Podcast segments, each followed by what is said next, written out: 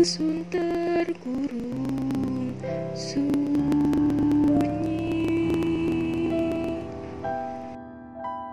Sukma merenung dengar senandung serunai